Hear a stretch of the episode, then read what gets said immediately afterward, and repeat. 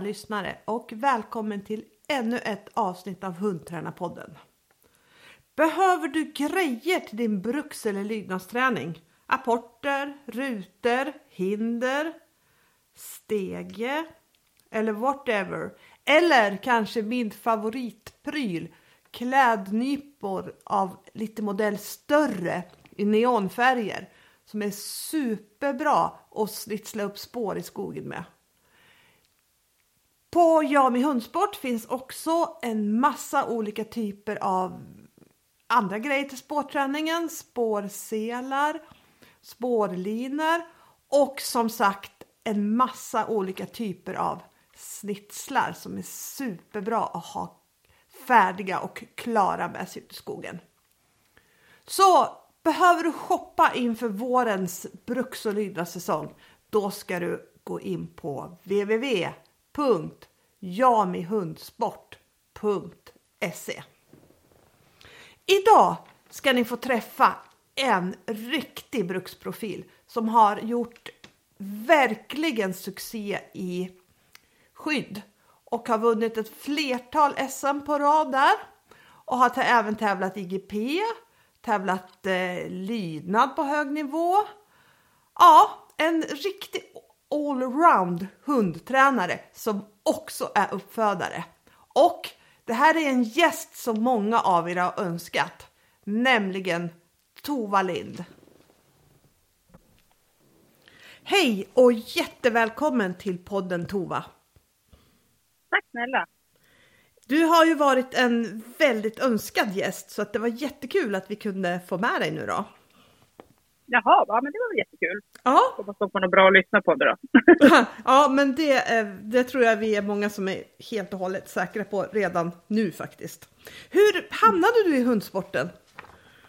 Oj, ja men det här är en liten lång historia bara det tänker jag. Men eh, jag började egentligen med hund Alltså jag har ju tyckt om hund sedan man var liten, så där, hade hundplanscher på väggarna och så. Men sen har jag en bror som var allergisk, så det var inte så mycket hund i vår familj på det sättet, så då höll jag på med hästar istället. Men när jag flyttade upp till Åre för att gå gymnasiet, så skaffade jag egentligen min första hund där uppe. Och det var eh, för att jag lärde känna några som höll på med draghundar, huskies, som höll på med alltså, drag med slädar och sådär. Ja. Så jag började jobba lite hos dem där eh, och hjälpte dem och hundarna och sådär. Rena blandraser. Sådana här eh, husky-blandningar som stod i hundgårdar som jag hjälpte. Så det var faktiskt en sån, en sån hund som min första hund. Aha, okej. Okay, eh, ja. Kanske inte den lättaste hunden dock, men, men man lär sig av allting så att säga. Ja. Kom du igång och tränade ja. med, redan med den eller? Eh, Nej, det ska vi väl säga. Vi, eh, inte direkt kanske. Eller jag försökte säkert. Jag försökte lite vardagslydnad och försökte få lite ordning på honom, komma när man ropade och sådär. Men det gick ju sådär. Det var en hund som verkligen inte gick alls. Aha, okay. Han var väldigt... han var, stack iväg, jag fick hämta honom gång hos polisen, vet jag, han var på rymmen och det var... Nej, det var det inte så mycket lydnad eller vardagslydnad på hunden direkt. Så det var väl inte den så här lättaste starten i hundlivet kanske med en sån typ av hund. Men, men det var ändå det som gjorde att man blev sugen på mer hund faktiskt ändå. Ja. Så att eh, han vart väl lite för svår att ha att göra med. Han fick bli en draghund i hundgården han också, med de andra. Ja. Eh, men då kom en annan hund, Lova hette hon, in i mitt liv, som också var en blandning. Husky jämthund var hon. Eh, och det var också på Åretiden när jag bodde där uppe. Då. Det var den typen av hund man hade. Hon var ju mest en kompis, hängde med överallt. Och väldigt lättsam hund som liksom gick lös jämt. Och satt utanför Ica och väntade. Det var lite helt annan typ av vardagslydnad på henne. Men jag Ja. tror att det var mycket mentaliteten var nog lite annorlunda på henne också. Så det var nog inte min förtjänst kanske i stora hela där vid lydnadsträningen. Men, men det var egentligen där det började, att jag började träna lite hund. För jag såg en tjej på byn vet jag, i Åre där som hade jättebra koll på sin hund. Det gick bara löst, ordning och reda. Och tänkte, men henne kanske jag ska kontakta. Och då höll hon på med hundkurser. Aha. Så att, ja. eh, det var egentligen där det började. Så då tänkte jag på på några vanliga vardagslydnadskurser med henne då. Så ja. att, eh, och hon höll på med lite tävlingslydnad och då var jag bara mer och mer sugen på det. Sen började det. Och på pilla med det. Så henne startade faktiskt första, min första lydnadsklass. Ett var det ju då. då. Eh, på Surahammars brukshästsklubb kommer jag ihåg. Det var där nere. ja. Eh, vi, väl, vi fick väl ett, nej, vi fick nog precis inte ett första pris, alltså strax under. Så det, det var första starten. Det, det var ju en hund som kanske inte hade så mycket drifter, alltså inget samarbete, ingenting. Och få henne liksom att ta en apport var ju liksom fullt upp. Så att, eh, men det gav ändå mersmak då. Eh, och hon var kvar i familjen och sådär. Men sen så var hon, eh, sen när jag skaffade lite andra hundar då fick hon flytta till svärmor och vara, vara hemmahund. Det tyckte hon bäst om egentligen att vara en, vara en vardags familjehund liksom. Ja. Så, det var lite med den typen av hund. Eh, men då var det något, en till blandras som jag hade.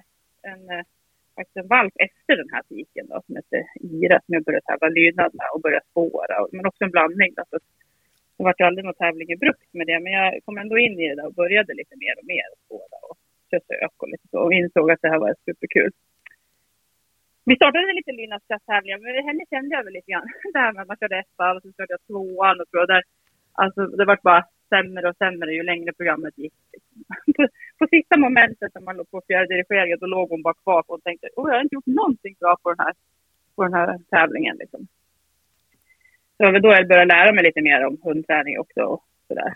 Ja. Och sen så kände jag väl då att nej men nu vill jag ha en brukshund för att kunna köra bruks liksom. Och då skaffade jag min första holländare. Det var Kala från Havrevingens kennel. Just det, just det. Och hur kom det sig att det blev väl- en holländare då? Ja, men precis. Det var lite roligt. Jag var faktiskt runt och jag hade en kompis som hade en schäfer som jag började köra. Ja, hon som jag gick de här kurserna för i början där. Hon, vi var ju bra vänner och började umgås. Hon skaffade en bruksschäfer sen. Eh, och eh, från hennes samma kennel. Så jag var och tittade på lite schäferkennlar och sådär och åkte runt lite. Men sen så av en slump så var jag in på någon sån här eh, någon forum på, på nätet. Jag tror det hette vove.net eller något sånt där. Och det var i alla fall, och då såg jag en bild på holländare, så här, hur de såg ut och tänkte wow, vad är det där för hund? Tyckte jag så häftigt ut. Eh, så då tog jag kontakt med hon som hade den där den bilden där, den där inloggningen där. Så då, eh, och det visade sig att det var en tjej som hade från Havrevingen. Och då var jag ner på Vinesen, så jag kontaktade Wenche och var ner till dem i Varberg på ett kennelläger där en sommar. Jag och Fredrik. Och då kände vi väl att, då kände vi båda så wow, det här vill vi ha. Ja, det var lika mycket arbetskapacitet som en annan ville ha. Liksom. Liksom, Den här kommer vilja träna lika mycket som jag ville på den tiden. Det var, liksom, det var väl det enda man ville göra då. Så det var så liksom, det var holländare. ja. ja för det, man, man får ju nästan säga, säga, säga lite så kanske, skulle i alla fall jag säga, att det, det är ju faktiskt du ganska mycket som har eh, gjort, eh, som verkligen har visat upp holländarna. Ja, alltså kanske mest i alla fall inom skidsporterna. Det har ju varit faktiskt en del som har kört eh, spår SM bland annat några år innan mig och sådär. Men visst, det har ju blivit, kanske blev mer då efter man började köra liksom, skyddet på något sätt. Ja, ja, det gick ju väldigt bra med, med Kvala.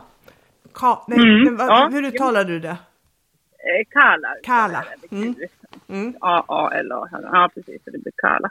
Ja, men det gjorde det absolut. Och det var ju min första brukshund och jag var ju väldigt, väldigt grön inom det hela. Men jag hade stora mål. Jag kommer ihåg när jag var till Wenche och frågade vad jag ville göra. Det var liksom målet att bli brukschampion i alla fyra grenar och allt vad det var. Så hon funderade väl lite. Ja, jo, det, hö- det, det är höga mål liksom. Ja.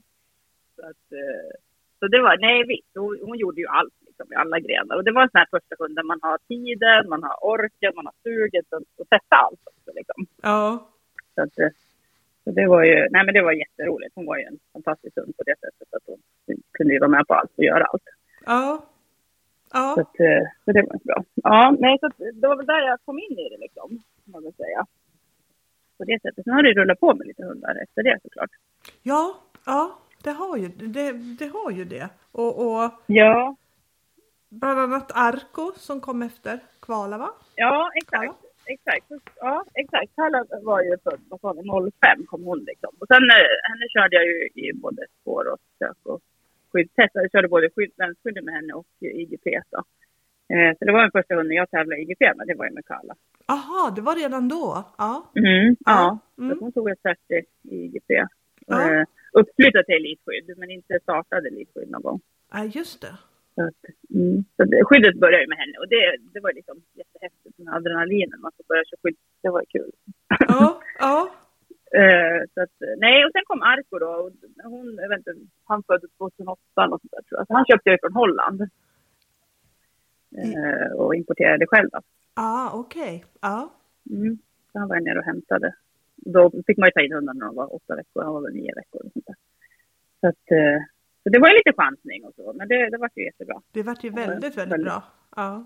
Ja, väldigt härlig hund eh, att jobba med. Och du vann Så fyra att, ja. SM va, på rad med honom i skyddet. Ja, precis. Ja. Fyra SM i skydd. Ja, Det så är att, ju eh, jo, grymt, kan man lugnt säga. ja. ja. Ja. Ja, det är lite nyp med armen att det händer. Ja, ja men typ. typ. Jag kan förstå det. Ja. Ja, jo, men det är lätt. ibland kan man ju faktiskt känna så. Bara, Va, vad fan hände egentligen? Eh, har vi gjort det där? Så att när man ser bilder och filmer och sådär så är det fantastiskt kul. ja. Att, ja, nej men det är skojigt. Och sen har, Mm, du, nej, haft, sen, sen har ja. du haft lite fler hundar till det Ja, också. precis. Absolut. Det kommer ju att gå lite hundar såklart på olika sätt. Men sen efter honom så tävlade ju även eh, Crash, en malle, som egentligen var Fredriks hund. Blackworkers Crash som jag körde i IGP. Han, det var Fredrik som började träna honom och skulle tävla och sådär. Men sen skadade Fredrik sig, min, min man då, i en eh, cykelolycka. Eh, så illa. Så då tänkte jag, han kan, vi kan inte ha en vuxen som står här hemma liksom bara. Så sa jag, antingen får du sälja han eller så äh, då börjar jag köra. Ja. Eh, och då började jag träna honom och tyckte han var superrolig. Så, att, eh, så då började jag köra honom. Eh, och, nej men det var ju bara IGP, jag tävlade då startklass, men han var ju körd bara för ISO. Eller Ja. ja, IGP heter det ju nu. Så ja. vi körde några SM och några nordiska. Eh, det gick jättebra där, jag körde ett Belga-VM med honom. Aha, gjorde du det också? Ja. Mm, mm, Ja. Så vi vann ju ett nordiska. Och vi tävlade väl tre SM med brons. Nej, två SM tror jag det var och två nordiska. ja, och ett belga-VM. Så att eh, det rullar på med honom också. det kan man lugnt säga. Ja. Det kan man lugnt Och så har vi säga. haft eh, Joks också, då, Malle, en, en Malle som också var Fredrik från början, men han tog över tidigare. Det var också en som jag körde brukset först, men gick över till IGP sen, eller IGP som hette då. Så. Och det var även ett, ett belga-VM med honom också. Då. Ja. Körde någon lägre skydd tror jag med honom, har gjort också. Så det var lite, jag har blandat lite. ja, ja. Ja. Vad har du för hundar idag då? Eh, ja, precis. Den här frågan är alltid så bra. Just nu har jag, jag har många som jag äger, men jag har inte alla som egentligen är mina som jag ska tävla och träna om man säger så. Jag har, vi kan börja från början. Jag har Aslan. Han är från våran uppfödning, från vår första kull. Han är eh, sex år nu i mars, jag. Ja, en holländsk då. Och han är ju tävlar i IGP, i- IGP 3 med och även eh, kört någon sökappell och så lite sök och lydnad också. Då. Så att, eh, och han, jag skulle väl tävla för SM nu som var, men han har varit lite, lite kraftlig, lite i, i luftvägarna. Tyckte han var så, liksom, när vi började träna honom och det var varmt ute så var han så himla härsig och, och hade lite jobbigt. Så vi får se då vad det blir med honom och vi fortsätter. Det går bra att springa och hålla igång, men inte, inte så mycket. Eh, jag tycker när man går lydnaden så kan han bli lite, tycker det blir lite jobbigt. Vi får Ja. se då. Ja. Eh, och eh, nej, så det är han. Vad är han? Han är sex år. Och sen har jag ju Demo då, som är från våran eh, D-kull, som är ett och ett halvt år ganska snart. Ja. Och han är tänkt med att köra brukset med, som sök och spår. Och skyddet vet jag inte riktigt. Jag, jag har väl inte riktigt bestämt mig själv vad jag vill göra med han i skyddsdelen. Eller om jag bara ska vara mig med sök och spår och lydnad. Ja. om Ja. jag klarar det. Vi får se. Men eh, jag, jag tränar lite själv, lite leker lite och får vi se vad det blir. Jag har varit lite ute med ring, även svenskskyddet och ja. Men det här är inte helt klart. Eh, men sen har jag ju också en liten, eh, vad han, är sex och en halv månad nu, Arn heter han, en Malle Just det. som jag köpte. Mm. Det är lite kul att få Ja, någonting annat. ja, ja och det, det är inte egen uppfödning utan det är en som du har köpt. Nej men precis, den är inte egen uppfödning, så den, den har vi köpt in. Just det, det. det, den är lite samma linje. Pappan till Arne är samma pappa som vi har använt på våra, våra mallekullar som vi haft också. Då. Ja. Så det, det är lite kända så. Men tiken är en annan. Så det, nej, men det blir spännande. Han är känns rolig. Men han är tanken med IGP från start nu då. Ja. Är det. Eh, nej men till de tre som jag har egentligen som är hemma som är mina hundar som jag ska träna och tävla. Men sen har jag lite, i och med att man har uppfödning så, och jag tar gärna hem hundar om det är så att eh, det inte funkar hos de som har hundar av någon anledning. Eh, så tar jag hellre hem dem och tittar lite på vad det är som felar och vad det är som problem för att sen få ut dem till någon ny då. Ja, ja. Så därav har jag en tik, en sån D-kullen och duva hemma just nu. Som ska letas hem här alldeles snart hoppas jag. Ett nytt hem. Ja. Och sen har jag en, en schäfer också hemma som, ja, en sån där lite, vad ska man säga, stökig problemhund som ingen ville ha, som jag fick ta över. Och eh, träna, förhoppningsvis kommer kunna gå till då. Ja, Det är väl målet, så får vi se. Blir det inte så är det en jättefin tävlingshund också. Det är en, en väldigt eh, fin schäfer, ja. trevlig. Så, att, eh, så det är väl de eh, fem som jag har hemma kan man väl säga. Sen Jock till exempel som jag tävlade för, har, han finns ju kvar i ägaren fortfarande, men han är i familjen eller i släkten. Barnens kusin har honom då. ja. Så ja. att, eh, så den finns kvar liksom. Men, så det, det är lite hundar till och från. Men du är ju du är ju uppfödare som du precis just har Mm. sagt. Liksom. Hur, hur kommer det sig att du har just de raserna? Vad, vad, vad är det med dem som gör att du vill föda upp just dem? Ja, men först och främst är det för att man hade holländare från början och liksom lärt känna ras. Jag känner väl själv, som man avlar på någonting så lär man ju veta lite vad det är för typ av hundar. Jag liksom tar ju inte någon ras bara som jag inte haft och verkar spännande att börja avla på. Utan man vill ju veta lite om linjer och ha koll på hundarna innan man börjar. Och, och i och med att vi brinner lite båda för just skyddssporterna eh, så är ju det den typen av hund. Och det, det är mycket fart, eh, hundar som vill mycket, mycket av allt, mycket kamplust. Eh, på både gott och ont ibland. Det är klart att det kan bli lite stökiga hundar och svåra ibland att hantera för vissa. Ja, Eh, och, men eh, ja, det måste ju vara lite klurigare att vara uppfödare just till, till sådana raser kan jag tänka eftersom som, det är precis som du säger att det är hundar med mycket i och, och att det finns Mm. inte alla kanske som, som reder ut det Nej. riktigt. nej, nej, men precis så är det ju. Och Det är ju ett ansvar för oss som uppfödare också att hitta rätt ägare till de här hundarna. Och, eh, Ja. och det är inte alltid det lättaste. Men man försöker ju ändå vara så ärlig som möjligt. För det finns ju jättemånga sådana raser och är sugna på en familjehund och kör lite agility med och vandra med till exempel. Och jag brukar försöka säga att alltså, om ni ska ha en kul resa med den här hunden så är det ju liksom kanske finns det andra raser som passar bättre. Ja, Eh, och, och att eh, vi säljer ju också bara till de som ska hålla på med tjänst eller tävling i, i, i tanken. Liksom. Sen kan ju allt hända i livet, att det blir tävling av någon anledning. Men, men så är det ju. Och viktigaste är att de får ett bra hem såklart. Men, men ändå att man vet vilken typ av hund det är man skaffar sig. Och det kanske är det absolut viktigaste jag brukar säga till folk som ska ha en hund. Från något sätt. Man vet vad det är för typ av hund man skaffar och att man verkligen klarar av och känner att man kommer tycka det är roligt att jobba med den här typen av hund när det gäller ja, med lite ordning och reda och vardagslydnad och sådana bitar. ja, ja.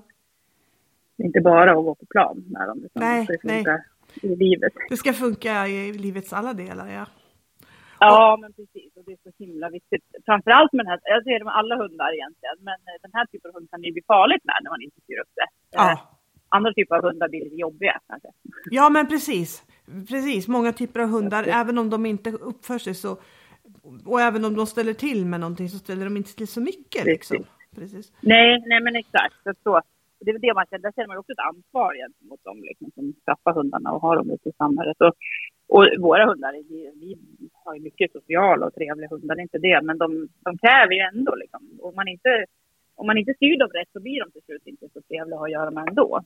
Nej, nej. Oftast då. Så att, eh, nej men så att vi gillar väl den typen av hund. Liksom. Och sen nu har det ju blivit så också att ja, det är ju fler som, många nu kommer ju tillbaka som har sin andra hund och sådär. Det är många man känner eller vet vilka de är som skaffar hundarna, som köper hundar. Så det blir ju lättare att göra valet. Ja, ja, jag kan, ja, jag kan tänka mig det. Jag kan tänka. då känner man inte så lite orolig heller att de vet, de vet vad det är liksom. De vet vad det handlar om. Och, Ja, eh, och sen finns ju vi, vi är, vi är alltid en stöttning och hjälp till våra valpköpare. Jag släpper inte iväg dem och sen bara hej då, nu får ni klara er själva. De har alltid möjlighet att komma och få hjälp och stöttning om det skulle vara någonting. ja, ja. Du, det händer ju ditt som tätt. ja, ja, men det kan jag tänka mig. Det kan jag tänka mig. Eh, Du, du är ju lite så här superwoman kan man ju säga. Du, liksom, du håller på med hundträning, du jobbar med hundar, du har uppfödning. Du har tre Ja, rätt så små barn. Och Ja. du tränar dig själv väldigt mycket. Eller hur? Ja. I alla fall om man följer dig på Instagram så kan man ju se att du Ja. tränar väldigt, väldigt, väldigt mycket. Ja, ja, det beror på vad man jämför kanske med, men absolut. Men de flesta tror jag. men hur får man ihop, hur får du ihop det där pusslet egentligen? De flesta kanske skulle ha svårt att kombinera två av de här sakerna. Ja, jo men så är det säkert. Men jag har alltid varit en person som gillar liksom att det händer grejer hela tiden. Så att jag frågar min man, han är lite mer den lugna av sig och kan gärna vara hemma och ta det lugnt. Och jag är mer så att det händer någonting. Jag mår bra liksom, när det händer saker. Jag mår väldigt bra när jag får träna fysiskt. Och det märker jag direkt när jag inte har tränat så mår man ju mycket sämre. Det, ja. så är Och, då, och jag känner, då blir man ju också bättre, både mamma och hundägare, hundtränare och allting när jag får träna fysiskt. Att jag får göra det. Eh, sen älskar jag ju att kunna kombinera fysträning med hund. Alltså kan hundarna och jag få motion samtidigt är ju det absolut bästa. Ja, det är perfekt. Eh, ja, det känns så himla tråkigt om man ska ut och träna själv och så vet man att man får inte hundarna med. Så får man ut med dem sen. Så jag gillar ju alltid det att man kan gärna kombinera två saker samtidigt så att fler får ut av det. Ja. Eh, så därför är det ju, menar, springa och åka skidor med hund är ju liksom något som funkar. Gymmet blir kanske mindre, mindre av då, sådana där saker. Det är ju svårare. Det är om man tränar lite hemma på gården så då kan ju hundarna vara med och men, eh, men nu är det ju mer fysisk träning utomhus skulle jag vilja säga. Alltså kondition och lite sånt. Mot förr kanske när jag jobbade som brandman, då hade man ju mer, mer gymträning och på det sättet. Ja, just det. Och då och du... tränade vi mycket på arbetstid. Ja. ja. Ja, precis. Och det var därför, när jag började egentligen med hund och sådär, träna och tävla mycket, jag hade ju inga barn förstås, men då jobbade jag också eh, skift på brandkåren. Då jobbar man ju, sover man ju eller man är på jobbet på, nat på natten ska jag säga. Och har man tur så får man ju sova och släcka något larm. Eh, kanske inte, även om man var uppe på något larm på natten så hade man ju oftast dagen efter att kunna göra saker. Men det gjorde ju att jag hade mycket tid för just hundträningen. Och sen att jag tränade på arbetstid. Just det. Just. Eh, och det, jag tror ju ändå, ska man ligga på väldigt hög nivå inom hundsport, framförallt som svenskspelare som krävde väldigt mycket och alla grenar där, så lär man nästan ha den tiden. Det är svårt att ha ett måndag till fredag jobb tror jag. Alltså, heltid och, och hinna med det. Nästan. Ja, alltså vill man ligga, alltså, det, jag, jag tror det är stenhårt, vill man ligga på hög nivå mm. oavsett vilken hundsport man vill ligga i så tar det mm. fruktansvärt mm. mycket tid. Och, och, kanske, det var som en kompis sa, liksom att i de flesta grenar är det ganska, det är inte någon omöjlighet att ta sig till SM. Men steget Nej. där, det är att prestera på SM, det är där mm. liksom Exakt. Ja, kanske en stor ja, del av jobbet. jag också lite grann. Mm. Ja, men precis. Och som säger, det är ganska, att få hyfsade poäng eller ta sig till ett SM eller ta ett det kan de flesta klara av tror jag ändå. Liksom. Men eh, som sagt, vill man de här med sista poängen, sista, sista delarna där, då, då krävs det lite mer. Ja. Helt klart. Och, och det kände jag då, att det var ju liksom för mig en stor del att det funkade med liksom, att man hade sånt jobb som jag hade då. Ja. Eh, men sen kom ju barnen in. Tre barn är ju liksom såklart inte det. Eh, det tar ju mycket tid då. Men, men nu när jag jobbar också med hund på heltid så har jag ju lättare att, att anpassa tiderna och styra mitt jobb på ett helt annat sätt. Och det gör ju också såklart att jag får tid. Jag, hundarna är ju mitt jobb, så även de här hundarna jag har hemma som behöver tränas av olika anledningar, de, det gör jag även oftast dagtid. Ja. Så då hinner jag ju med det innan barn och sånt kommer hem. Just det. Eh, så att, för det är ju mitt jobb egentligen, både motionera dem och träna dem.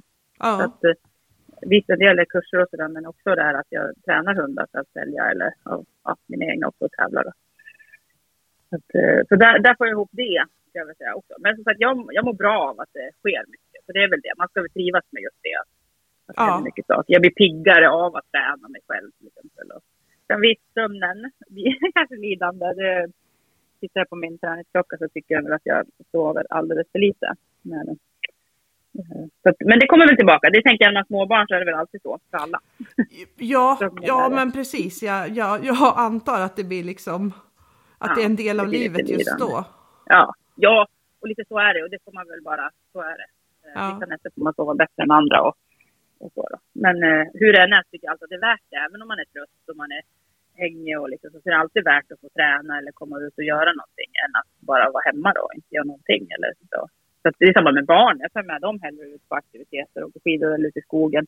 Även om det är mycket stök när man ska iväg. Liksom. Det är packa ungar och hundar och grejer. Och, men, eh, men det är alltid skönt att komma iväg på något sätt. Det är alltid värt det. Ja, ja. Ja, det ser man också ja. ofta på din Instagram också. Det ser jättehärligt ut. Faktiskt. Ja, ja men jag, jag, tänker mig ibland, visst det är inte alltid enkelt och ungarna är ledsna och arga, man får hota med paddor och ena och andra ibland. Men, men jag tror att ändå i slutändan så kommer de vara glada att de har fått vara med på mycket och lärt sig åka skidor och titta på saker. Så. Ja, ja. Och du, vi kanske ska nämna att du har ju tränat så mycket så du har ju gjort en klassiker. Har du gjort det fler Ja. gånger? Eller har... Eh, nu ska vi se här. Nej, själva hela klassikern har jag bara gjort en gång. Sen har jag Ja. gjort delarna flera gånger om man säger. Som Vansbrosimningen har jag gjort flera gånger. Eh, Lidingöloppet har jag sprungit någon gång till tidigare. Ja, Och Vasaloppet har jag gjort flera gånger. Eller öppet spår ja, har jag kört flera gånger. Ja. Som, Men även Tjejvasan och Kortvasan och liksom har lopp. just det. Så det har jag gjort. Mm. Ja. Ja, Det är det... morot. Det är bra att ha en liten pepp också för att träna till någonting. ja, det är grymt bra gjort tycker jag.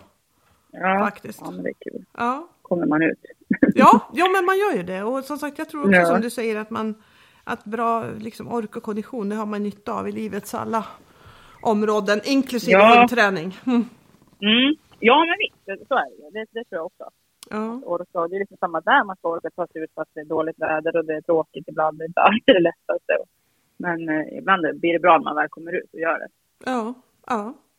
Vi ska hoppa över på lite träningsgrejer. Vad skulle du säga kännetecknar dig och din träningsfilosofi? Oj, oj, oj. Ja, det är en stor fråga. Ja, men alltså, jag känner mig väl så här, så här alltså om man tänker på mig som hund. Jag, är nog, jag tycker det är jätteviktigt det här med att vara tydlig med sin hund. Eh, jag jobbar ganska mycket med svarta och vita metoder, väldigt enkelt. Jag försöker inte krångla till det så mycket. Eh, så just den här att, eh, att hunden ska känna sig trygg med mig, både i vardag, tävling och eh, i träning. Liksom. Det ska inte vara några konstigheter. Eh, Det är väl kanske mycket av min träningsfilosofi, att hunden ska vara trygg med mig. Att Ja, det ska bli likadant när vi tävlar sen. Eh, ja, jag är som sagt inte så mycket krångligt utan försöker vara, jag, jag jobbar ju mycket med hjälp och visa mina hundar vad jag vill ha, belöna rätt beteende. Um, så det är väl liksom, kännetecknar mig tror jag som hundtränare att vara ganska, eh, ja, ganska enkel, tydlig. ja, ja. Hur viktigt tycker du det är med vardags, va- vardagslydnad då? Och hur påverkar det träning mot olika hundsporter enligt dig? Ja, ja precis. Med vardagslydnad som jag sa, min första hund där med isen som försvann. Och isen så var det inte så bra vardagslydnad. Men efter det har vi känt att för mig är det superviktigt med vardagslydnaden. Och det är säkert många som följer mig och vet vem jag är att eh, jag försöker stå för ganska mycket med det där. Jag tycker att det är viktigt. Eh, alltså för mig känner jag att jag vill ha, sen har man den här typen av hund så är det också kanske ytterligare ett steg viktigare. Jag tror att det är med alla hundar, men den här typen av hund som jag har är ju, är ju en hund som kräver att den har en ledare och lite mer ordning och reda i vardagen. Och framförallt om man har många hundar. Jag har ju flera havar tillsammans till exempel. Ja, Jag vill ju kunna ha mina hundar ihop. Vi lever ju i en familj, de är ju i huset och de ska kunna gå med på promenader helst. Annars ska man ju gå en och en hela tiden. Det går inte heller, det har ju, alltså på tiden där då.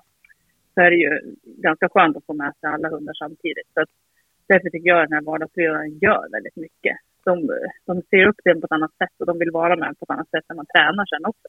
ja, Eh, så det, jag tycker den är jätteviktig och jag har ju lärt mig mycket genom åren och som sagt vad som inte var så bra och vad som har funkat bättre. ja, Sen kan jag väl säga att jag hade väl kanske ännu bättre vardagslydnad på mina hundar innan barnen. Sen kom det tre barn in som också skulle ha vardagslydnad på sig så att man känner att man har inte samma tid eh, på det kanske som förr. Då. nej just det. Just det. Och sen hur många hundar man har. Det är alltid lättare med bara en eller två än att ha fem. Ja, det är jättestor skillnad alltså. För varje hund så blir Ja. det ännu mer Ja. klurigt. Alltså det... Ja, jo men så blir det lite grann. Och när det är som första hunden, den håller man på med tricks och grejer. Den kan ju allt. Och sen har man många hundar, då kan de inget annat än det de måste. Nej, nej, nej, jag tror att man lätt hamnar där faktiskt. så det är lite så. Nej men jag tycker att det är en viktig del i, i hundträningen, absolut. Tror du att man kan uppfostra hundar genom att bara eh, belöna rätt beteende? Oj. Eh, nej, det tror inte jag. jag. Jag är nog den som är för det här. Man måste kunna tala om för en hund vad som är fel och vad som är rätt. Ja, Eh, eller jag tycker i alla fall att det känns bäst att göra så. Det känns som tydligast och tryggast för en hund att få veta vad som är rätt och fel. Jag tycker det är ett mer positivt sätt att tala om för en hund. Eller att, med en hund menar jag, att tala om vad som är rätt och fel. mm. Mm. Så, nej, jag har svårt att se att man bara ska jobba med det. ja, ja. Eh, Sen eh, finns det säkert vissa som faller in i det. Om jag tänker den här första hunden, eller min andra som jag hade, så hon var ju lydig och vardagslydig ändå i sig själv. Eh, henne hade jag inte behövt jobba med några andra metoder kanske, men det är inte, för att, inte på grund av mina metoder, utan det var för att hunden var som den var. Ja, ja. ja, det skiljer sig ju rätt mycket vad man har för Ja, typ av hund. Så är det ju helt visst klart. är det så. Ja. Verkligen. Helt klart. Tror du man skulle kunna få fram en riktigt bra skyddshund genom att bara belöna rätt beteende? Ja, men jag har svårt där också eh, att se att, eh, att man ska få till det med en riktigt bra skyddshund och sen till slut ska bara falla in och göra rätt beteende. För det är sådana drifter vi jobbar med. Och, i alla fall om vi ska höja upp dem till de drifterna vi vill ha. Som jag tänker mig att jag vill ha en skyddshund i alla fall. Den ska ju helst inte bara gå där på, på, på liksom, alltså, knappt visa eller knappt angripa. Det ska ju vara ganska rejält. också Ja, eh, om man nu vill ha lite poäng och komma någonstans så krävs det ju lite grann att hundarna både går ganska hårt och biter rätt hårt och bra beroende på vilken skyddsgren vi väljer. Då. Men så är det svårt att få till det med bara positiva metoder eller vad man nu ska kalla det. Jag, jag tycker att positiva metoder är lite så som jag jobbar men, eh, men att jag inte, eller belöna rätt beteende, det, det har jag svårt. De måste nog veta att det där är fel, det här är rätt. ja, ja. Ja, det är ju klurigt när man slåss mot eh, liksom jättestarka drifter som man gör då i, Ja, i skyddet. ja men och jag tror verkligen det. det är lite eh, samma i vallningen och i, i Ja, vissa jakter och det. allt det där. Så. Precis. Vallning, jakt, jag vet inte, nu kan jag inte göra de där jättebra, men jag tror det är svårt där också att jobba med det bara. Ja, Eh, Att man liksom... Men eh, nej, nej, och sen, jag menar, här har vi ett avslut, tänker på vallningen, där ska de ju inte bita i något. Visst, de kan ju göra det, tänker jag också, men här vill vi att de ska bita. Och det, sen är det ju väldigt nära, liksom. De får ju liksom inte angripa så att det står är precis framför näsan på dem. Liksom. Så att, eh, nej, där behöver man nog gå in också med vad som är, tala om att det där är fel och det här är rätt. vad, vad börjar du träna med, med när du har en valp? Eh, ja, det tycker jag är superkul med valpträningen. Jag, jag börjar ju mycket med bara rörelser, moment, beteenden. Alltså jag, jag säger inget kommando med mina valpar förrän de är... Jag säger, ah, nu är han sex och en halv månad. Alltså jag kanske började för en halv månad sedan att han med kommando på typ sitt och ligg och sådär. Innan dess kunde han nej och sitt namn typ.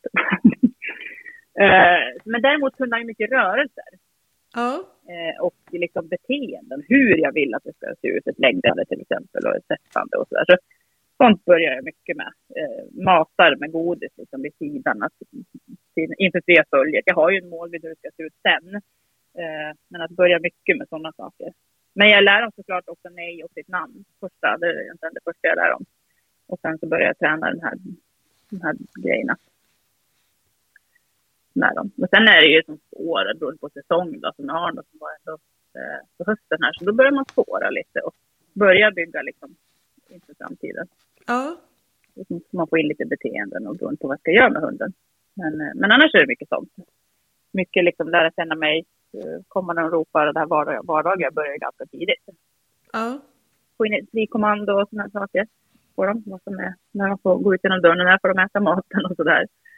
Eh, jag tränar ju mycket med maten med valparna. Använder oftast eh, dens eh, foder av några olika sätt. Antingen då i lydnadsträning men också att äta mat på backen. Jobba med näsan. Så jag använder alltid fodret. Jag tänker att lära in en fotposition gör man ganska fort på en valp genom att om de är lite matglada att bara lära sig vid matskålen att sitta fot. mm. Så ganska enkelt uppe. Det är såna grejer när man har då full rulle med barn och andra hundar så går det ganska fort med en valp att träna. De orkar inte så mycket heller. Så lite snabba, snabba träningar vid varje mattillfälle så får man in till ganska bra. ja, det är ju perfekta lägen liksom. Ja, ja precis. Nej men det är kul. Jag börjar ganska tidigt med mina valpar att träna så utan, utan speciella krav eller liksom eller kommandon på saker och ting såklart. Du, du har Mm. ju varit väldigt framgångsrik i svensk skydd och sen så bytte du till IGP och du, du inte bytte Mm. men sen eh, körde du IGP också kan man väl säga och så Ja. du lika framgångsrik där. Vad, vad tror du är, eh, vad- är det som gör att du lyckas så bra med det? Vad, liksom, vad gör att du bara kunde byta över? ja, eh, jag började ganska tidigt med båda delarna. Ska jag säga. Och det har man ju också hört mycket. Där. Nej, men det går inte att kombinera de där sporterna. Men Marco och Sala körde jag ju båda. Arco körde jag ju ändå eh, under ett års tid körde jag IGP och sen så gick jag tillbaka till skidor med honom. Gjorde du? Och ja, precis. Ja.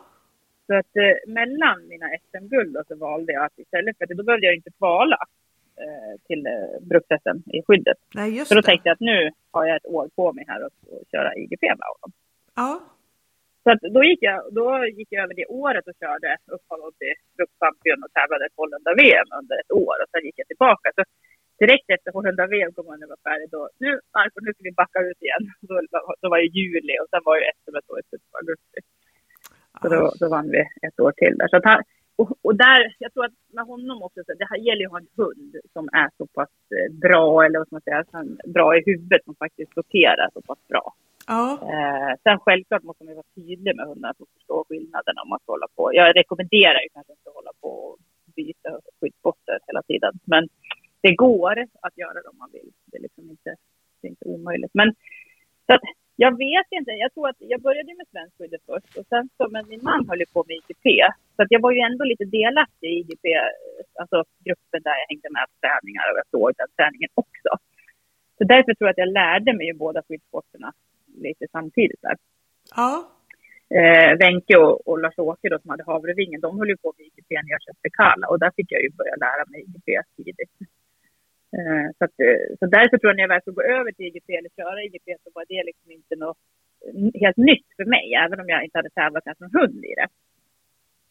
Och därav tror jag inte att det var så lika svårt som att börja om om man tänker helt med någon ny gren och sådär. Så att i, och i stora hela är det ju inte så stor skillnad. Alltså visst, momenten är ju lite så olika saker, men annars träningen är den ju samma. ja, grunden är ganska mycket detsamma. Ja, Ja. ja. Ja, precis. Så, att, eh, så där tror jag väl liksom i så fall att det funkade där där- också. då. då- har massor- De erfarenheterna som du har från svensk skydd, det kunde du bara liksom plocka med dig och göra om det till Ja. en ny gren liksom. Ja, ja, men lite så nästan. Att, och som sagt, eftersom att jag hade också med mig IGP, liksom, Ja, och hur det fungerar och vad som krävs av IGP. Jag var med på många VM med min man. Han tävlade ju också eh, några belga-VM Ja. tidigare. Då. Så att, eh, där har jag ju ändå varit med mycket och sett både Europa och vad som, jag menar, vad som krävs eh, där nere. Och liksom, det är lätt att gå här hemma och tro att man har jättehöga poäng på saker och ting fast så kommer man utomlands och inser att det är lite annorlunda i bedömningen. Och det tror jag är viktigt att man har med sig. ja, ja. Eh, så man inte går och tror att allting är jättebra. Fast man kommer där så är det kanske inte så himla, alltså inte så bra i alla fall som man hade trott. Nej, just det. Just Nej men så därför tror jag inte det var helt nytt för mig liksom, att börja med det. Och Fredrik då hade ju mycket kunskap också. Sen är folk omkring sig, man tränar med folk som både kör svensk och IGP och bra figuranter och det är så mycket, mycket som hjälper en till framgångar tänker jag. Ja, ja, det, det, ja, det är det verkligen. Men om vi tänker så här, om, om någon, eh, det vill väl kanske typ alla, blir li- lika bra som du har blivit och du bara fick ge dem ett enda Ja. råd, vad skulle det vara? Oj, oj, oj, det där är ju bra. Tänk allmänt i hundträning Ja. eller bara i skyddet? Nej, i all, Allmänt. allmänt i hundträning tar vi. Allmänt i hundträning. Ja. Och en enda grej, Ja, eh, den är inte lätt. Men alltså, jag tror nog en, en stor grej tror jag nog ändå att folk är så rädda för att göra fel. ja, Eh, jag, jag tror att man måste våga släppa lite på det här att allt ska vara så perfekt hela tiden. Man blir aldrig nöjd. Eh, det, om jag får nämna en grej. För att, eh, jag, både det jag träffar i jobbet men också man ser på sociala medier, man hör. Och liksom, man vågar inte ens börja med ett moment om man är rädd för att blir fel. Man vågar inte lära in en apportering för man är rädd för tugg. Eller man är rädd för att lära krypet för det ska bli fel. Och den här hunden ska alltså bli så perfekt med, tänker man. Och nu ska det bli så bra. Och det tror jag man, det är lätt att det blir så då. mm. Eh, och jag tror att det är lätt att man står och stampar. Liksom, att man, man, man blir aldrig nöjd. Man tycker att nej, det här är inte tillräckligt bra, jag kan inte belöna det, eller jag kan inte gå vidare. Eh, och då, då blir det lätt att man står där istället. ja, Istället för att våga ta ett steg till och belöna kanske det som inte var superbra då, men för att få det bättre eh, av det. så ditt Och tips hellre, jag brukar säga det, hellre en, en apportering med tugg då, sexa, sjua kanske, eller eh, ingen som du har nolla på. ja, absolut. Så att, Herregud. om man vill ja. i alla fall komma vidare någonstans. Så att, ja, men det, det är väl det om jag skulle säga en grej, liksom att våga, våga prova. Och det finns inget fel. Liksom. Många säger, åh kan man göra så här? Och jag brukar säga att det, det, är liksom, det som fungerar är ju rätt egentligen. Fungerar det för mig och min hund så är det bra, en bra sätt, en bra metod. Om man säger. Ja, men det, det var bra ord, de där ska jag ta med mig för jag, vi tränade ju, vi tränar, jag tränar ju lite IGP med min kompis Mattias och, Ja. Vi är ju liksom, vi är glada amatörer som kör Ja. på. Vi vet inte riktigt vad som, vi vet inte riktigt alltid vad vi håller på med, men, men eh, vi tänker det, det, det är kul och trevligt i alla fall. Så det, Ja, ja och, det, Det- och det är det som att man får glömma lite med hundträning. Ibland känns det som att det är seriöst hela tiden. Man får aldrig ha roligt. Utan det måste ju vara roligt någonstans på vägen. Och jag menar, helst då när man börjar. Om vi kommer in på IGP nu då, så upplever jag att framför allt i den sporten så är det liksom väldigt höga krav på alla som tränar och tävlar. Det, det, är liksom, det ligger helt extremt. Att man, det är inte bra om man inte har 95, 95 eller högre. Liksom. aha, Då okej, är man liksom okej. dålig. Och där tror jag man måste tänka om. Liksom, 70 är ju godkänd. Det är som att bli uppflyttad i bröstet. Ja, Och där tycker man liksom, har man då 71, då, åh nej det var inget bra, det var dåligt, säger folk. Men det är ju liksom, när vi kör brukt, där man uppflyttar på 0,25 poäng, är man ändå glad att man är uppflyttad. Sen kanske man inte är nöjd med allting, det behöver man inte vara. Men man är ändå nöjd att man är uppflyttad. Men IGP så är det väldigt så här, så så perfekt. Så man, man vågar nästan inte gå ut och tävla om det inte är perfekt. aha, Så okej. Det tror jag är viktigt att våga och ta med sig. Man är ny, så man kanske aldrig har tävlat. Och så är man så rädd för att det ska vara så perfekt allting. Ah, Eh, Det försöker jag. Jag har några workshoppar jag försöker pränta in till dem att men det är första gången ni ska tävla IPO, du måste, eller IGP, ni måste ju bara prova. Ni måste ju testa också. ja, Jag kan säga att min första IGP-start jag gjorde med Kalla, den tränade jag två veckor inför och gick ut och tävlade och det gick ju det. det gjorde det? Ja, hon, alltså hon spårade ju säkert 95 tror jag för att hon var bruksspårad. Hon, men så, självklart skulle hon ju haft något problem säkert om det var svårare underlag och sådär. Men det går ju och lydnaden kunde hon ju liksom. Skyddet, det, nej, men det gick bra det också. Så det, man behöver inte alltid vara sådär, sen självklart vill man ha det bra, det är ju en annan sak. Men det behöver inte vara perfekt allting, helst första gången man gör någonting. Man Nej. måste ju få vara nybörjare. Ja, men absolut. Det, det håller jag helt med om. Håller jag helt med om. Ja, så där, nej, men där, där känner jag väl just det här, våga. Våga. prova. Ja, Ja, bra tips tycker inte jag. rädd för att göra fel. Få till det på träning är en sak, men få ut det samma på tävling. Mm. Hur har du tänkt att göra? Nej. Ja, men precis. Det där är ju en av de viktigaste delarna tycker jag. Kanske den största saken man pratar med folk och när de gör föreläsningar och just det här skillnaden träning och tävling. Och jag brinner lite för det där. Tycker att även när jag håller kurser det är så viktigt att inte bara fastna i de här detaljerna utan få till det här med helheten på plan, alltså på tävling också. Då. Så att jag, lite som jag pratade om i början, där, eller den här träningsfilosofin, så tror jag att för mig är det viktigt att min hund känner igen mig då, när jag tränar och när jag tävlar och från vardagen. Då, så att jag är inte annorlunda. Mina vardagslydnads, alltså krav, alltså det som är, är okej i vardagen, det är fortfarande samma på plan när jag tränar lydnad. Eller, det är inte okej att äta gräs eller sticka ifrån mig eller inte släppa leksaker eller ja, gör vad den vill fast vi tränar lydnad. Det är liksom att nej men här ska vi bara ha roligt, ska bara ha positivt. Eh, att man inte vågar säga till hunden när man tränar lydnad, det tror jag är rätt viktigt. Att, eller i alla fall att man är likadan, så att hunden känner igen mig. Ja, Eh, och det tar jag med mig då också till tävling då, att det blir, blir likadant. Så att jag försöker träna mig att vara så lik som möjligt som när jag ska tävla. Eh, och det är inte alltid så lätt såklart när man pratar belöningar och man pratar med hundarna. Och en sak är ju inlärning då såklart. Alltså då lär jag ju in saker med hjälper, men de här hjälperna måste ju så snart bort. Eh, jag försöker ganska tidigt i min träning att bygga in mig tävlingsmässig i träningen. Att jag, den här tävlingsmässiga som står där tråkigt tyst på en utgångsposition till exempel, en start, den personen kommer in i träningen jättetidigt. Men sen kanske det handlar om en halv sekund eller en sekund i början på en vals. Eh, som jag bygger in sen då och jobbar vidare med att, att hunden känner igen mig. ja, Eh, Så att då blir det liksom inga konstigheter när jag kommer på tävling. Så det är precis samma sak. Eh, något som jag också tjatar mycket om för alla kursrum, det är det här med tystnaden. Att man inte pratar så mycket med hunden när man går. För går man alltid och säger bra, duktig, bra, bra, bra och så blir man tyst på tävling och då blir det jättekonstigt. ja, ja. Det Så det är väl där som jag kan tycka det är svårt för många. Det är just att få till det här med helheten. Och, och, och det är en sak att ha snygga detaljer, och, eh, men att man ändå inte får till helheten. Just det. Jag tror det är jätteviktigt att, att man tränar på hur det ska se ut när jag tävlar också. Ja, Eh, någonting jag också jobbar mycket med det är den här sociala belöningar. Att eh, använda mig själv som belöning, för det har jag ju med mig på tävling. Eh, Ja. att, att inte bara dra fram godis och leksaker det första jag gör, utan först mig, sen, sen deras godis och sånt. eller den belöningen.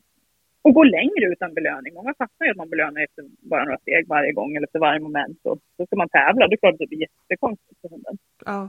ja, det blir det ju verkligen. Det är Eh, som att sätta den i en helt ny situation. Liksom. Ja, ja men precis. Och, det, då är det inte så schysst att sen tycka att hunden gjorde fel eller den var dålig. För att det är inte, den gör ju också inget fel på det sättet. Utan den gör ju bara den tycker jag är jättekonstigt. Och det, för det var så lite grann som jag sa då, om min Ira som min eh, blandros som jag körde Lidarna i början. Det, det var ju att hon Känslan var att det gick jättebra i början och sen var det bara sämre och sämre. Sista momenten, men då låg hon där och tyckte att Rickard redigeringen tänkte nej, det är bättre jag ligger här för då gör jag i alla fall lite fel. Eh, typ så. Och hon tyckte väl inte att hon har gjort, fått någon belöning på hela programmet. Hon tyckte väl liksom, gud, hon är, är, känner ju inte igen henne i belöning för hon fick ju ingen belöning. Så det har jag tagit till mig jättemycket, det här med sociala belöningar. Det är absolut det som har hjälpt mig Ja. eh, framåt kan man säga, på tävling. Att hunden känner igen mig i belöningar och känner igen mig på plan. Just det. Va, va, vad tänker du själv när du tävlar precis när du går in på plan? Oj, när precis jag går in. Nej, men jag går nog in i lite bubbla precis. Jag är ganska dålig på att vara bubblan innan. Bara snacka med folk och social. Och. Men när jag precis när jag ska gå in, nej, med hunden där, då vill jag ju vara, då är det väldigt mycket jag och hunden. Jag vill gärna ha fått ihop hunden in, fot in då. Eh, jag tror inte jag tänker så mycket bara nu, nej men nu kör vi. Jag Ja. tror, Det är liksom kanske lite beroende på vilken hund man har då, men, men mer här, då. Därför att jag tränar mycket just det, att gå in på plan. Det tycker jag är en stor del av träningen. Eh, att, eh, ja, ingångar på plan, på nya platser med nya människor på plan, det är liksom en jättestor del eh, av, av att lyckas tror jag också. För, att, eh, för det blir ju en väldigt annorlunda situation annars för hunden. Ja, det blir det verkligen det att stå och vänta utanför och sen kunna Ja, bara, bara precis, koppla på direkt och gå in. Ja. ja, men exakt. Det gör man ju inte så ofta kanske. Man tar med sin träningsväska eller sina grejer och så går ner på plan och så pratar man med sina kompisar och så börjar man träna eller någonting. Då. Men hur ofta värmer man upp ute på parkeringen och verkligen går in tävlingsmässigt in på plan? Det är många som missar tycker jag i träningen. Ja, Eh, och de behöver inte kunna så mycket i början. Man kan ju göra det även fast de inte är så, inte så långt gångna i träningen också. verkligen. eh, det är väl någonting jag känner med åren nu, med, lite med tiden med när man har små barn och familj och det här för mig själv, att det blir sämre med sådana där träningar eh, än vad det var förr. Liksom. Att det var lättare att åka på platser, få ihop det här med eh, mycket folk och sådär. Nu blir det mycket hemma på gården eller i vår egen hall här och sådär. Ja, Så det var, det var jag ja. bättre på förr. Ja, ja. Hur, eh, när du tränar inför ett mästerskap, hur, hur tränar Mm. du sista månaden då? Ja, alltså det är ju kanske lite olika. Men jag kommer ihåg med svenskskyddet till exempel, så eftersom det är så himla många olika grenar, så försöker jag ändå, ja även i jag säga, nej, men jag försöker få ihop så att jag kör alla delar på en och samma dag. Lite mer. Ja, så du får liksom, Eh, liksom eh, så, ja. Mm. Ja men precis, så att jag kör kanske inte hela, som i svenskskyddet då, så körde jag inte ett helt stök eller ett helt lydnadsprogram. Eller, ofta gjorde jag ett kortare spår, kanske två föremål på uppletandet, eh, Sigge varsitt hörn bara, två skick. Eh, ingång kanske gjorde ja, uttryck full, klar och sen lite skyddsmoment. Så att jag gjorde liksom inte hela alltihopa, men jag vill ändå få in alla delar och att man går in i bilen emellan, laddar lite och ut igen. Då.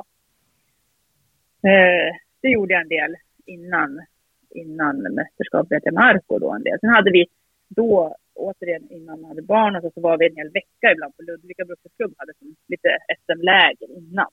Så vi får lite mycket bra träning på flera dagar Ja, i rad. Där.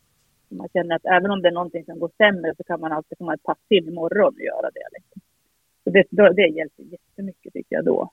ja, ja. Men, eh, men annars är det också med IGP också det här att få till kanske lite träningar med man på plan som jag pratat om, men också på spåret där man åker ut med flera bilar, att man blir lite väntetider, alltså att mer få till den här tävlingsträningen sista tiden. Jag pilla med detaljer också, men det blir mer kanske så här vintrarna och men inför, inför tävlingar så sätter man ihop lite mer. ja. Planerar du din träning mycket? I så fall, om du gör det, vad tycker du är viktigast att ha koll på? Jag är jättedålig på just det där. Ja, jag, är, jag är verkligen ingen som har skrivit ner, planerar. Jag går nästan till bara på känsla och vad jag Ja. vill träna på idag. Ja. Eh, om jag jämför med ja, en kompis till mig som vi tränade mycket förr ihop och hon var ju precis tvärtom. Hon skrev allt och hade planerat hela året ungefär exakt tränings, träningspass och där. Eh, jag är inte den. Jag har skrivit en gång efter en tävling. tänkte Nej, men nu ska jag bli så duktig och skriva ner saker som fått, vad som har gått bra och vad som har gått mindre bra. Men det var efter en Lynäs-tävling jag kommer ihåg. Men nej, sen gjorde jag det aldrig mer. Eh, Första och sista gången så. Så alla tror att man åh, så duktig på att planera och vilka moment jag sätter då och då. Nej, jag är verkligen inte sån. Jag, men jag har mycket i huvudet. Alltså jag jobbar ganska mycket med det i huvudet istället. Eh, det var också så här, innan barnen så tänkte jag mycket mer hund. Det gör jag ju mindre nu kan jag säga, för att det är så mycket annat i huvudet och man sover sämre och sådär. Men förr så tänkte jag väldigt, väldigt mycket hund. Innan träningspassen så hade jag kanske tänkt igenom vad jag skulle göra, vad som är viktigt och sådär, vad ska jag tänka på. Eh, det kan jag känna idag ibland, att det blir sämre på grund av att jag inte tänker lika mycket. Nu när jag går ut och kör, då börjar jag tänka ibland. Ja.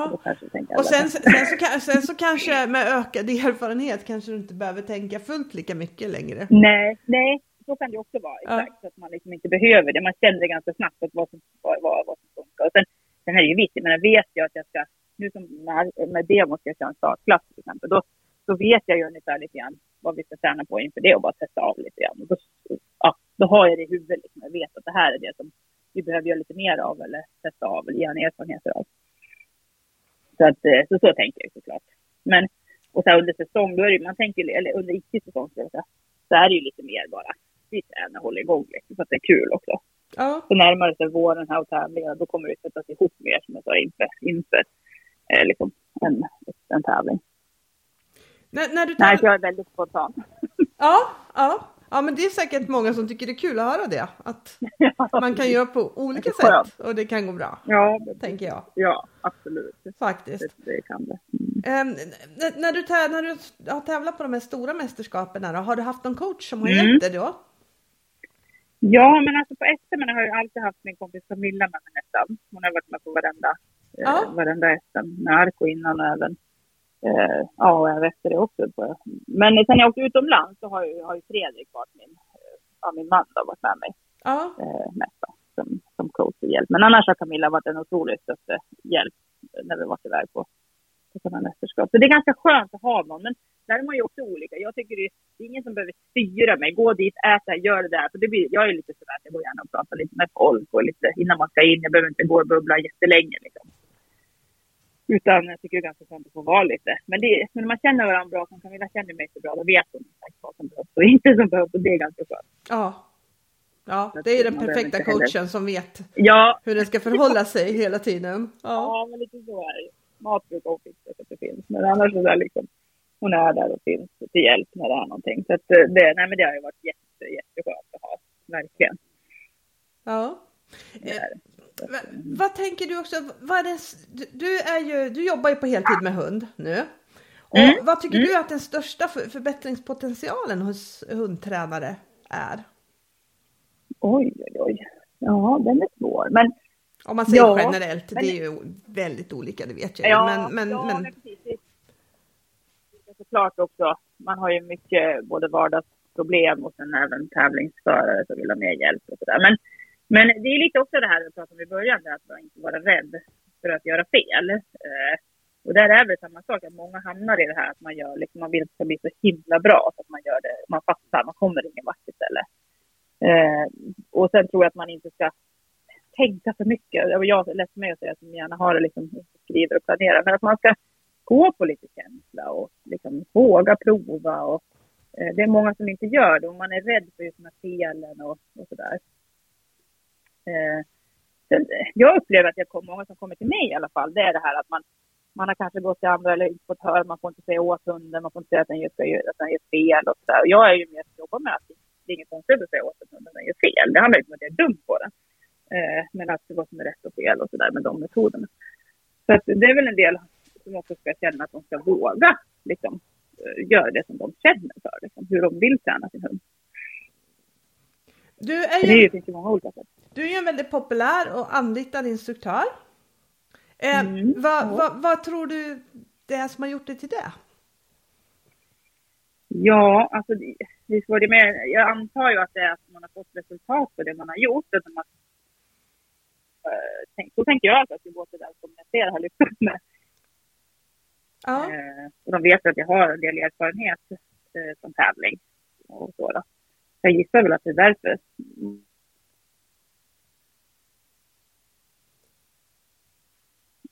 Just med tävling och det. Sen, sen kommer ju många som är just med vardagsbekymmer, med ganska starkare hundar kanske, med, med lite hundproblem. Liksom. Aha, och det, okay, det kanske ja. också för att de är vana att jag jobbar med Ja, att du har den typen av hundar också. Ja, precis. Jag tror det. Därför kan man också få tips om att, att gå till mig med sådana saker. Allt från hundmöten till att de är ja, vaktar eller sökar eller beter sig illa på något sätt. Jag tror att jag, jag är ganska rak och ärlig och både att jag kan säga saker är fel och sen att jag försöker lyfta dem och liksom, så det, det är tydligt och enkelt på något sätt. Ja. Om, om man vill bli bra på att lära ut hundträning då, då om man vill bli, ja. vill bli en bra instruktör, vad är dina bästa tips då? Ja, alltså, jag tror liksom det där kommer på något sätt. Man måste ju, jag tror också det är viktigt att man har liksom erfarenhet av vad man pratar om. Jag skulle inte säga, det känns ju väldigt mycket lättare i alla fall när man har, erfarenheten att kunna hjälpa dem som kommer med. Men ju mer man håller på så tror jag att får man det. det, det du också känner. Ju mer man håller på så ser man ju flera hundar, olika typer av hundtränare och då lär man sig också på det. Ja. Eh, hela tiden. Så, nej, men jag tror att man ska skaffa på sig erfarenhet först i alla fall. Eh, Sen kan man ju hjälpa folk och vara ödmjuk och säga att jag kanske inte kan det, men man kan komma med mycket bra tips ändå. Ja, ja. Eh, för det, det, kan jag känna att man kan. Jag kan ju få mycket tips av folk. Många känner att jag kan inte hjälpa dig med någonting. Och det är klart jag kan massor. Liksom. Det, alltså det, det finns ju mycket saker man kan. Man kan ju få enkla tips av någon man kanske inte trodde det så. Liksom, eller man ska säga. Så att, mm. Eh, ja, jag vet inte om det var något bra tips, men ja. Skaffa erfarenhet. i alla fall. Skaffa erfarenhet. Det var väl ett, ett ganska bra ja. tips kan jag tycka. Faktiskt. Ja, ja. jag, ska, jag ska hoppa över och så ska du få lite, lite lyssnarfrågor. Läsarfrågor tänkte jag säga, men det är lyssnar, lyssnarfrågor. Ja, lyssnarfrågor. Det, det, det har kom, jag, har, jag hann plocka upp några stycken här som, som är lite ja. kul tycker jag. Och den första är Frågor till Tova. Hennes bästa vardagsövningar eh, då hon har sådan bra vardagslydnad på så många starka individer. Oj, ja precis. Det känner jag har det bra just nu. Jo, men, jag, jag, men hyfsat kanske, det har jag väl. Jag försöker i alla fall ha bra vardagslydnad på dem och just på grund av att det är så många och starka individer, då bör man ha det ännu mer. Eh, ja, de, alltså jag skulle nog säga så här att lära in ett bra nej. Det är väl det viktigaste. Ja. Har man inte ett bra nej på sin hund, att den förstår vad nej betyder. Det handlar inte om att nej att bara ska vara så hemskt och elakt, utan vad, ska nej, vad betyder nej? Eh, det är väl det absolut bästa. Hur, hur lär du in ett bra nej då? Eh, ja, alltså jag börjar alltid med mina valpar lära ett nej. Sen kan vi göra en roman om Men, men eh, eh, alltså jag vill att min hund ska veta vad nej är och vad som händer efter. Att ett nej till mig till min hund är att du ska bryta och komma till mig eller vänd mot så när jag säger nej eller nejar min hund och säger att den är fel så ska den inte lite, och så är du hemskt liksom. Då ska den inte tro att jag är arg på den utan det, det är liksom ett brytord. Så det blir nästan som en inkallning, mitt nej. Ja. Eh, och jag lär in det på valpen genom att jag fysiskt tar lite i den samtidigt som jag säger nej varje gång. Och så backar jag och bjuder in den direkt efteråt. Och säger bra vad duktig du är och backar. Och så ger jag också lite godis eller någonting. Så att den inte tror att jag är arg utan det betyder bara ett brytord. Men jag vill ändå ha ett, ett på ordet nej. Jag tror aldrig du får det om du inte fysiskt och lite i hunden samtidigt. Eh, och sen då att jag plussar den mot mig. Jag vill ju alltid att den ska känna att den vill komma positivt emot mig och negativt om den går bortåt ifrån mig. Ja. Eh, och det är ju framför allt om man tänker sig när den ska jaga och hit och dit eller springa fram till en annan hund eller ja, ut i vägen eller vad det än kan vara. Liksom. Eh, och det som är viktigt i det här då, det är att jag lär ju det här i lugna situationer, alltså i saker som inte är nej. Jag börjar ju inte när hunden ska äta hästbajs eller springa fram till en annan hund eller springer på ett, jakt, ett rådjur eller något. Då är det för sent. Liksom. Det här lär jag ju in vad som helst på en liten promenad eller ute på gräsmattan med valpen eller inne och sådär. Ja. Lite ja. förenklat. Men som sagt, börja inte på det som är nej, utan lär in ordet precis som ett siffrigt liv. För de föds med att kunna ett nej, utan det lär vi lära dem. Och tiken har ju hållit på med dem tills de var åtta veckor. Då kan vi bara ta över den direkt. Så brukar det gå ganska bra. Ja, ja. Då ska vi hoppa över på nästa fråga. Och då står det så här, funderingar Ja. till Tova.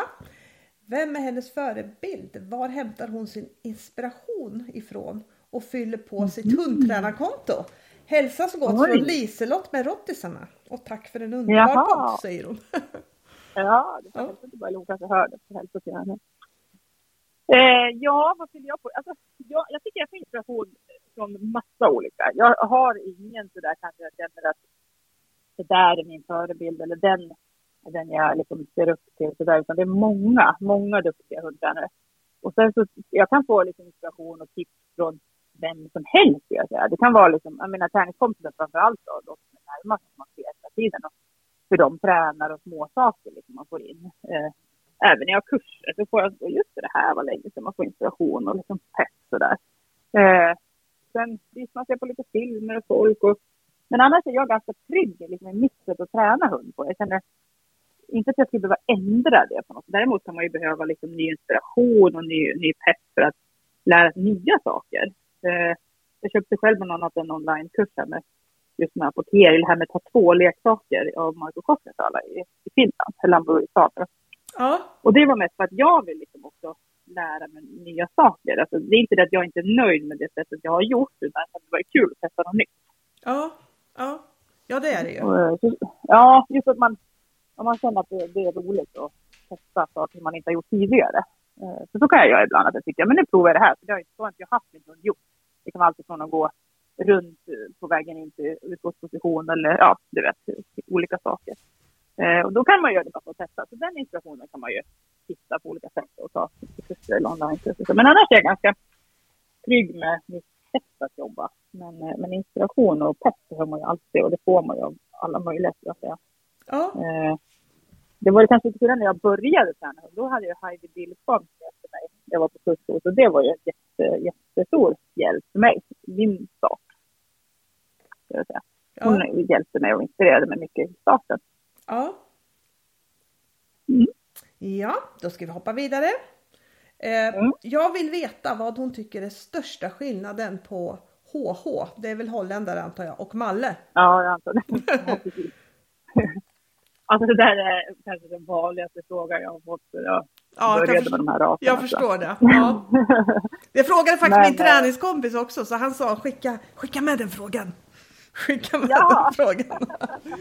Ja, precis. Och det här är säkert olika sätt att fråga såklart. Men, men jag har ändå lite erfarenhet av båda raserna. Absolut, Jag har haft båda och fått upp båda och tävlat båda. Så att det, eh, och, men jag skulle säga så här, jag brukar säga först att det är större skillnad liksom, inom raserna än mellan dem. Ja, Det finns individer, alltså som, jag menar tittar du på Malle så finns det ju väldigt skilda individer. Alltså det finns allt från en soffpotatis, eh, liten späd, vill ingenting till den här jättemassor av hund. Alltså på det hållet. Så eh, det finns ju väldigt mycket, och samma på holländarna ska jag säga, att det finns också väldigt, väldigt många olika typer. Nu är holländarna en mindre ras såklart, att det finns färre individer. ja, Eh, men om man ska generalisera lite hur jag upplever det så är det att jag ska säga att holländaren är något stabilare, eh, går mer på sin allvarssida. De har en mer lättare till allvaret. Eh, men eh, mallen går mer på sin kamplust, mer kamp och kanske mer nerviga skulle jag säga. Det kommer jag få malle folk på mig. Men- ja li, li, men- lite, lite sådana här saker, det får, det får man alltid Det får man när man säger något. Ja, Ja, precis. ja, Ja, precis. Nej, men lite så skulle jag uppleva dem. Eh, mallarna lite mer will to please. Eh, alltså vill vara till lag. Och, och holländarna lite mer självständiga.